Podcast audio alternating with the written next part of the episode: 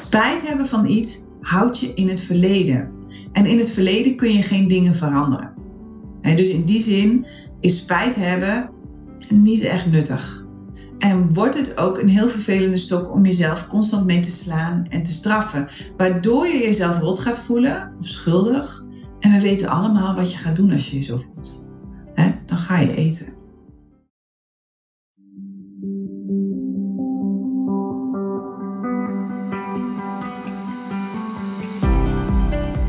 Welkom bij de Eetgeluk Podcast met Eetgeluk-expert Carola van Bemmelen. Waarin je leert hoe je weer een relaxte relatie kunt creëren met eten.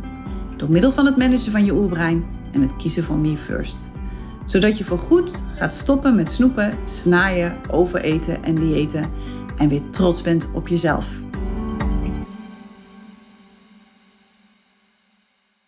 Dag mooie vrouw, daar ben ik weer. En nog steeds vanuit een wondermooi en ijskoud, nou goed, inmiddels iets warmer, want het is nu rond het vriespunt Zweden. Maar gisternacht was het min 20. En dat is voor Zuid-Zweden best wel een serieuze temperatuur. En als je buiten loopt, dan voel je ook wel dat het echt wel een serieuze temperatuur is. want toen ik gistermorgen met de honden liep, was het nog steeds min 16. En het duurde dus even voordat ik buiten was. Want dat is altijd wel als het dan zo koud is met al die kleren en al het gedoe. En ik heb een hond die natuurlijk niet winterproef is. Dus Teun moest eerst de vlies nog aan en daarna moest hij ook nog vier schoentjes aan. En vooral dat laatste, dat is, ja, dat is gewoon een crime. Want er zit van dat hele sterke klittenband aan en dat plakt steeds aan elkaar. En Teun wil die schoentjes natuurlijk niet aan. Dus die, die staat ook met zijn poten te zwieren en te doen. Dus ja, dat duurt meestal wel een kwartier voordat ik dan buiten ben. En meestal doe ik het daarom ook zonder. Maar ja, nu moest het gewoon. Het was gewoon echt te koud voor hem anders. En, en Odin, dat is de andere hond. Dat is een kruising met een border collie en een Australian Shepherd. En die heeft een hele dikke ondervacht. Dus die vindt het helemaal lekker buiten in de sneeuw. Dus die lag gewoon heel relaxed te wachten. En die heeft ook echt helemaal nergens last van. Die is gewoon het allerliefste buiten met dit weer. Die vindt het helemaal geweldig. Nou, en op dit moment, terwijl ik deze podcast opneem, giert de wind om het huis heen. Ik heb hier een open haard. Ook in mijn kantoor staan. Ik heb de deurtjes opengezet, want die klapperen gewoon. En ja, het waait gewoon echt. En het is echt heel bewolkt. Want voor vandaag is er gewoon sneeuw voorspeld. Alweer. Jee. En vandaag is mijn verjaardag. Dus ik krijg gewoon ouderwets sneeuw op mijn verjaardag. Ja, en ik vind dat helemaal leuk, want ik hou van sneeuw. Dus voor mij is dat geen enkel probleem.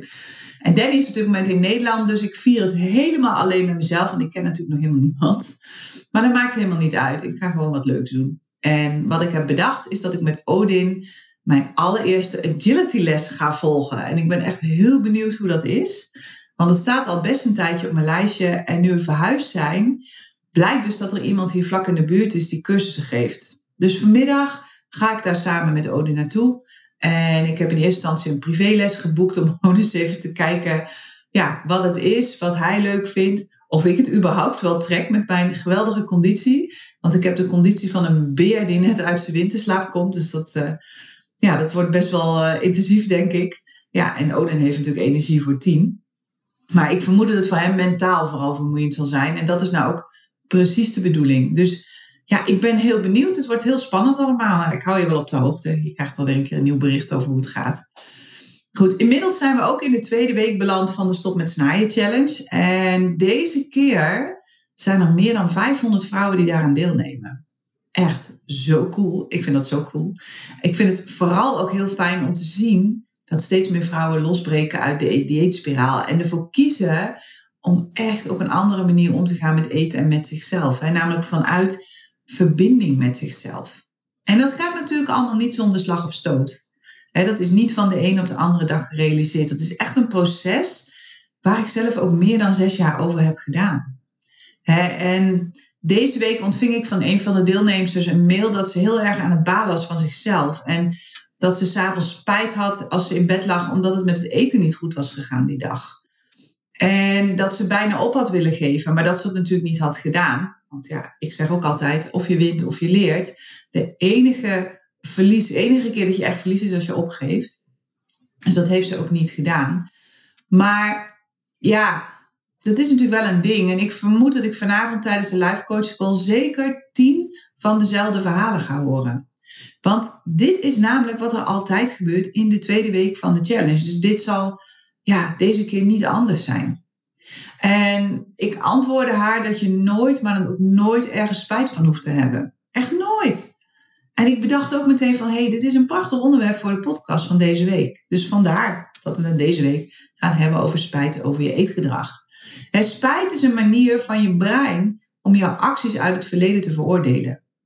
Maar alle acties die je hebt gedaan, die heb je op dat moment gedaan vanuit een reden.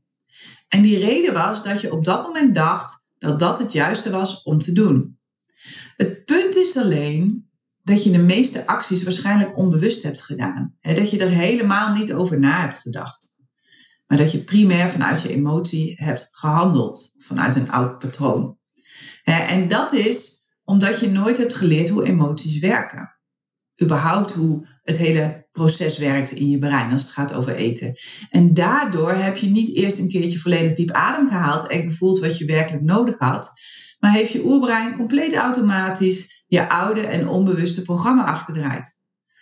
omdat je moe was, of omdat je gestrest was, of omdat je verdrietig was, of omdat je boos was, of omdat je je blij voelde en iets wilde vieren. Iedere emotie heeft een programma eraan gekoppeld. En dat zijn gewoon ja, één tweetjes in je brein. En dat is allemaal oké. Maar door vervolgens spijt te hebben van wat je hebt gedaan, veroordeel je achteraf jouzelf uit het verleden. En het gevolg daarvan is dat jouw huidige zelf het allemaal perfect wil doen. Om je ervoor te beschermen dat je jezelf in de toekomst niet veroordeelt. Maar weet dat wanneer je nu heel bewuste keuzes maakt voor jezelf en wanneer je nu helemaal oké bent met de reden voor die keuze, dat je dan jezelf in de toekomst nooit iets hoeft te verwijten. Het enige dat kan gebeuren is dat je achteraf terugkijkt en dat je vanuit de kennis en het bewustzijn dat je dan hebt, wellicht een andere keuze zou hebben gemaakt. Want we veranderen natuurlijk allemaal. Dus beloof me alsjeblieft vanaf nu dat je jezelf nooit, maar dan ook echt nooit, nooit meer een verwijt maakt over iets dat je hebt gedaan. Niet doen. He, verwijten maken gebeurt vaak omdat je vindt dat je iets moet doen. Zoals bijvoorbeeld iedere dag een gezonde maaltijd koken. Of iedere dag tien keer opdrukken. Of iedere dag je eetplanning maken. Ja, oké, die laatste moet natuurlijk wel. Maar alle gekheid op een stokje, dat moet ook niet. Je moet helemaal niks. Echt niet. En ik spreek altijd veel liever van ergens voor kiezen. in plaats van moeten, ga kiezen. Want het grote voordeel wanneer je het hebt over kiezen in plaats van over moeten, is dat je de druk eraf haalt dat iets op een bepaalde manier moet of hoort te gaan. En daardoor ervaar je gelijk veel minder stress en veel meer vrijheid, waardoor je oerbrein tot rust komt en je gewoon minder zal saboteren. En wat je ook doet door het woord kiezen te gebruiken, is dat je jezelf dwingt om bewust te worden voordat je iets doet. Je dwingt jezelf om ergens over na te denken. Omdat wanneer je ergens voor kiest, je echt zelf de verantwoording gaat nemen voor de resultaten die je creëert door datgene dat je doet. En daardoor sta je er veel meer bij stil wanneer je iets gaat doen. dus in plaats van moeten plannen, ga je er daarom voor kiezen om je planning te maken. Omdat je weet dat dit je helpt op het moment dat je breinenergie op is. En vaak, heel vaak, is dat aan het eind van de middag. Op het moment waarop de meeste mensen beginnen te snaaien. Of op het moment waarop de meeste mensen steeds meer moeite ervaren om niet te gaan snaaien. En als je op dat moment nog moet gaan bedenken wat je gaat eten, ja, dan is dat gewoon vrijwel onmogelijk. Maar wanneer je daar met een fris brein ruim van tevoren goed over hebt nagedacht, dan kun je gewoon je plan erbij pakken. En je hoeft dan niet meer na te denken, maar je kunt gewoon doen wat er op je plan staat. En dat kleine beetje breinenergie dat je dan nog over hebt, dat kun je vervolgens gebruiken voor andere dingen. Bijvoorbeeld om te voorkomen dat je ruzie gaat lopen maken met je partner of je kinderen. want is het je ooit wel eens opgevallen dat de meeste familieruzies s'avonds zijn aan de eettafel? En waarschijnlijk is dat omdat dan bij iedereen de breinenergie op is of laag is. Waardoor je primair vanuit je emoties op elkaar gaat zitten reageren. Goed, terug naar spijt hebben over iets. Spijt is een emotie. Spijt is iets dat je voelt. En de vraag is of het nu handig is om ergens spijt van te hebben of juist niet.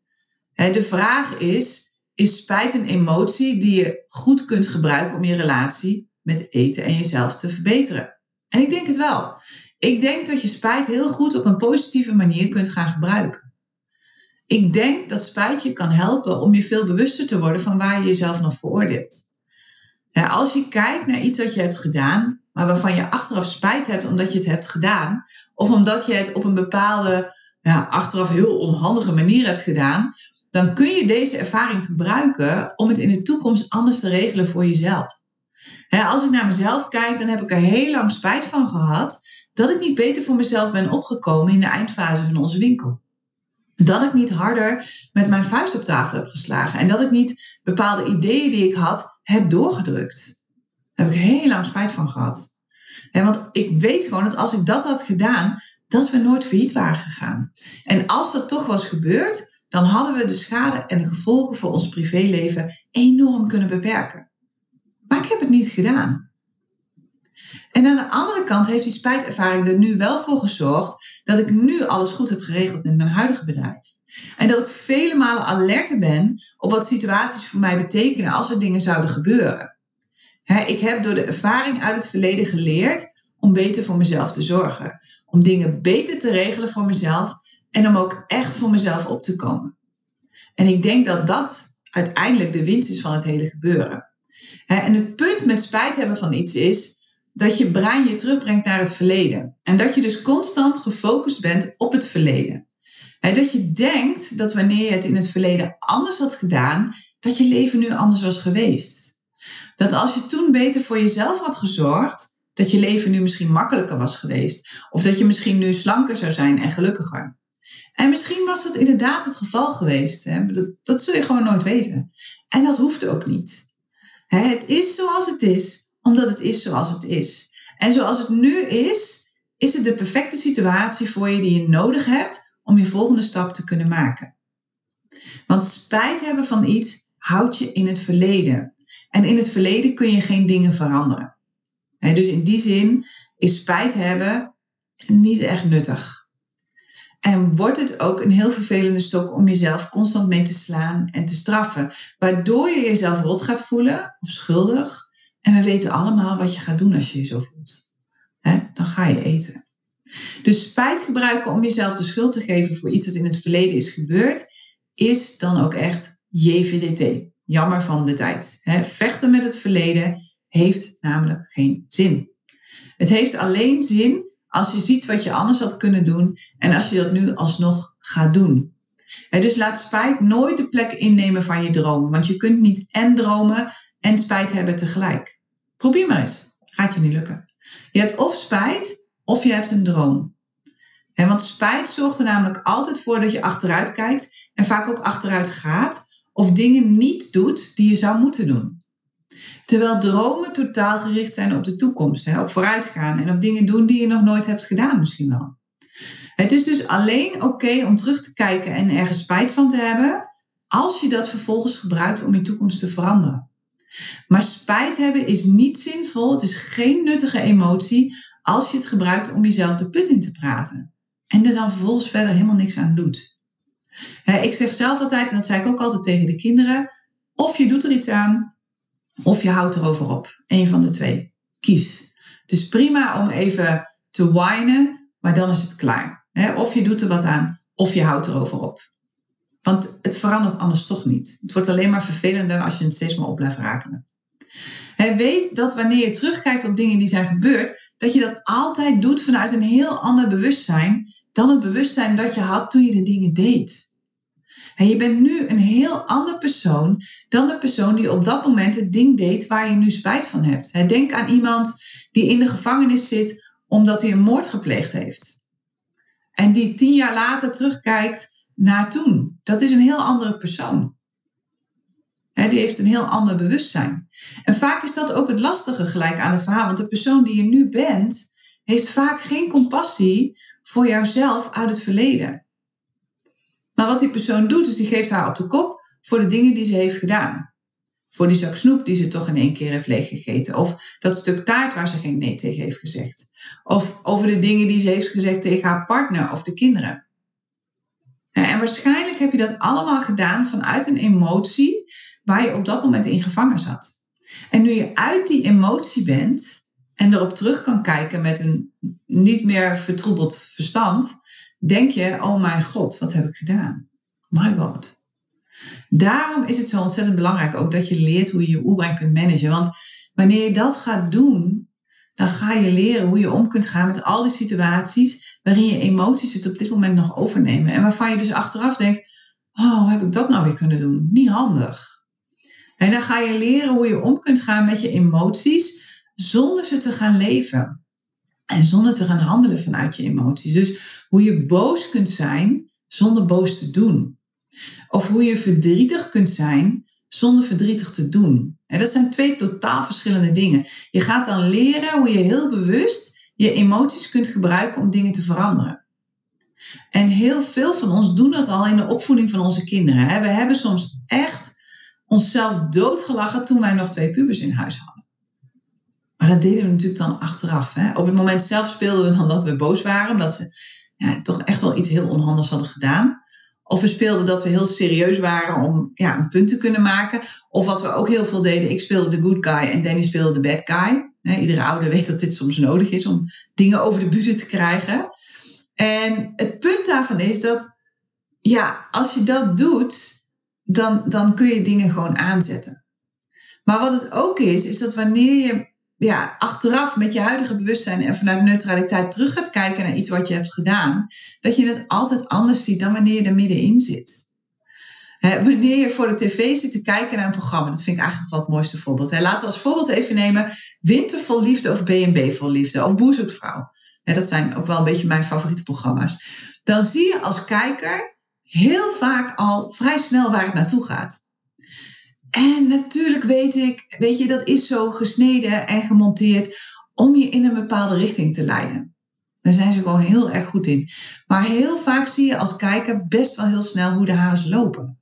En bij Boer zoekt vrouw zie je vaak al tijdens de speeddates welke drie dames of heren het gaan worden. En op dag één van het logeerweekend maak ik eigenlijk altijd al de poll. Wie gaat het worden? En 9 van de 10 keer heb ik het gewoon juist. 9 van de 10 keer kan ik voorspellen wie er overblijft en of er überhaupt wel iemand overblijft. En als dan het logeerweekend komt, dan weet ik ook vaak al hoe dat gaat verlopen. En hetzelfde geldt voor B&B voor Liefde. Ik heb van de zomer echt op de bank gezeten en gedacht: oh, come on. Stuur dat mens weg. Dat gaat gewoon niet werken. Dat ziet zelfs een blinde. Maar de persoon in de film, de persoon in het programma, die heeft het niet in de gaten, want die zit midden in de emotie. En als je gevangen bent in een emotie of een verlangen, dan zie je niet wat er werkelijk is, maar dan zie je wat je wilt zien. Dan zoek je bewijs voor datgene wat in jouw brein op dat moment speelt. En ditzelfde fenomeen, dit geldt ook als je terugkijkt naar dingen die je zelf hebt gedaan. Je komt dan altijd vanuit een andere emotie en vanuit een ander bewustzijn. Zeker als dingen al wat langer geleden zijn.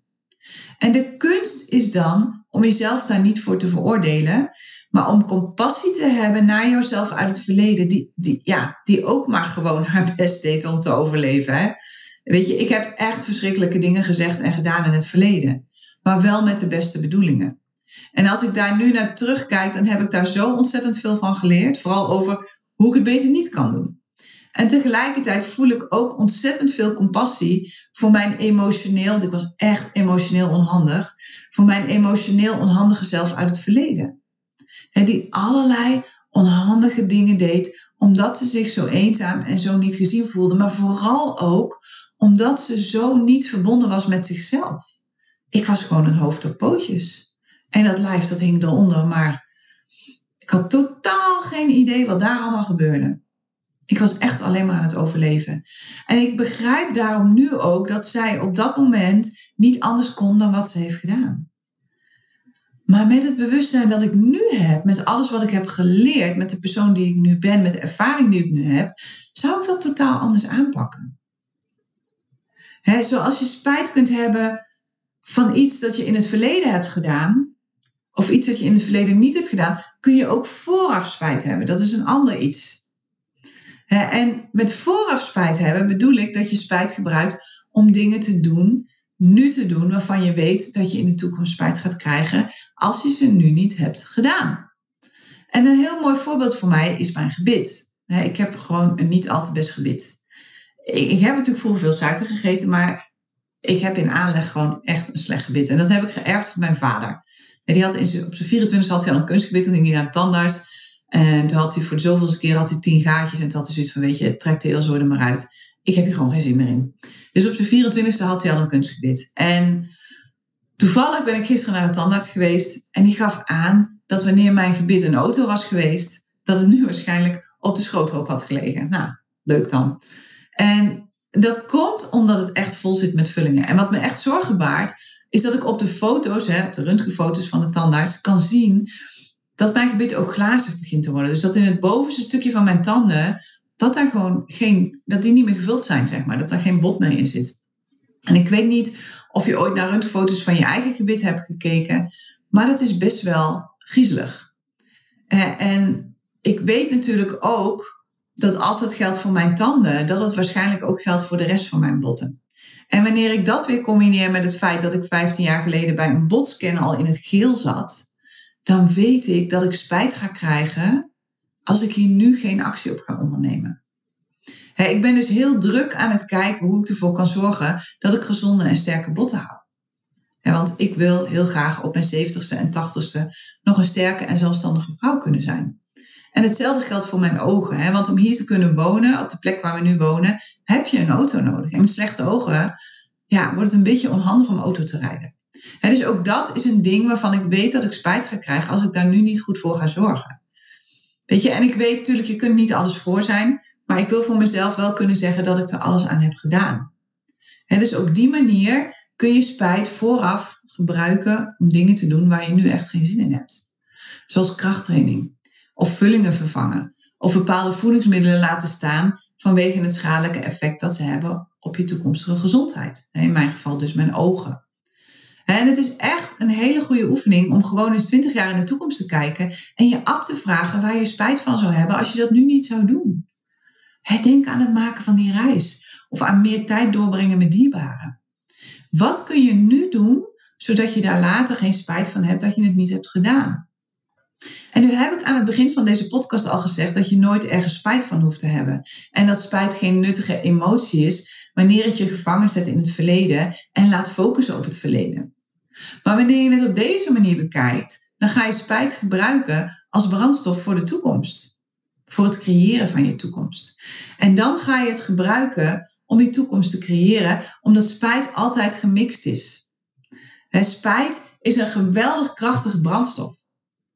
Spijt is een, een, ja, een mix van angst en van hoop. Ik, ik weet niet, het is een, een beetje, voor mij een beetje zit het daartussenin. En omdat het zo is, zul je ook je oerbrein gaan activeren. En je oerbrein wil dat ook niet. Dus dan wordt het een enorm krachtige emotie, waardoor je veel makkelijker dingen in gang kunt zetten.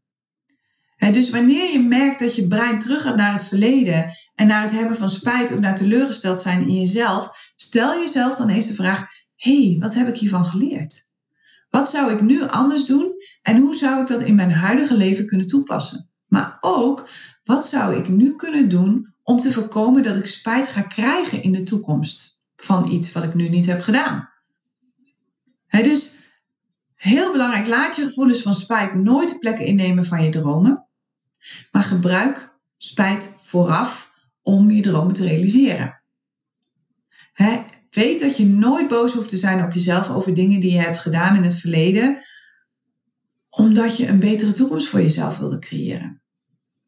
Het terugkijken is altijd goed en leren van de dingen uit het verleden is altijd een goed idee, maar jezelf schuldig voelen of spijt hebben achteraf zet juist de rem op alles wat je doet. En gebruik spijt om jezelf op te bouwen en niet om jezelf af te breken of af te remmen. Oké? Goed.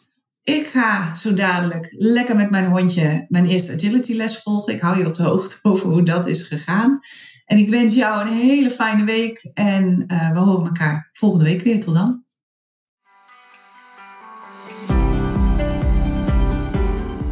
Hey, als je het fijn vond om naar deze podcast te luisteren, deel hem dan vooral met alle andere vrouwen in jouw omgeving waarvan je denkt dat ze er wat aan kunnen hebben. En Help me door een recensie achter te laten op het platform waarop je luistert. Laten we er samen voor gaan zorgen dat de huidige dieetmaatschappij gaat stoppen. Want dat is echt heel hard nodig. Wil je dat doen voor me? Ik reken op je.